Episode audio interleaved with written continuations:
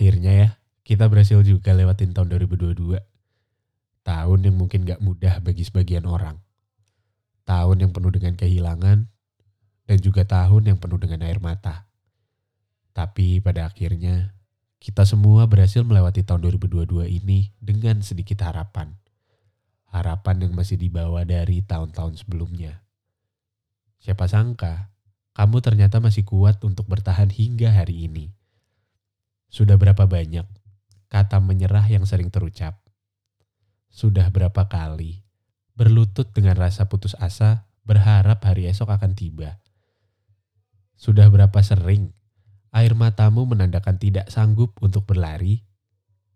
Namun, kamu di sini sekarang, berdiri tegap penuh dengan rasa kecewa dan juga harapan yang pupus di tahun 2022. Masih bisa tersenyum lebar, meski realita kerap menampar dengan keras. Rasanya memang berat bagi sebagian orang untuk memulai awal tahun dengan harapan baru. Buat tahun ini, yang penting bahagia aja deh, gak minta banyak-banyak.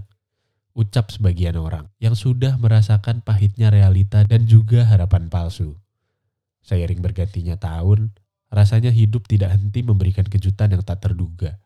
Entah mendewasakan, entah menyadarkan, harapan-harapan baik yang sering terucap di kala pergantian tahun, kini pun mulai sirna.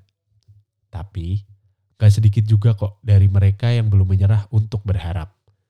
Bahkan ada juga yang berkomitmen untuk menjadi lebih baik di tahun yang akan datang. Ada dari mereka yang terus menyambung harap untuk orang-orang terdekatnya. Berusaha membawa senyum di kala luka masih membekas dan sulit untuk hilang. Membawa harap kepada orang-orang yang berusaha untuk tetap hidup. Harapan baru akan terus lahir dari mereka yang masih percaya. Harapan baik akan terus mengalir dari mereka yang belum ingin menyerah. Perjalanan panjang akan kembali ditempuh di tahun yang akan datang. Harapan untuk mendapatkan pekerjaan baru, pasangan baru, teman baru, ataupun kehidupan yang baru. Usaha dan doa yang belum sempat terwujud di tahun sebelumnya tentu akan tetap berlanjut di tahun 2023. Banyak hal baik yang akan menanti di tahun yang baru. Semangat yang pernah patah akan kembali terbentuk. Air mata yang terkuras akan perlahan terganti dengan senyuman yang indah. Kamu bakal kuat kok untuk menjalani tahun yang baru. Jangan overthinking duluan. Jangan insecure duluan. Hari-hari yang akan kamu jalani mungkin akan lebih berat. Tapi tidak akan semenakutkan itu. Kamu pasti bakal jauh lebih kuat dari sebelumnya.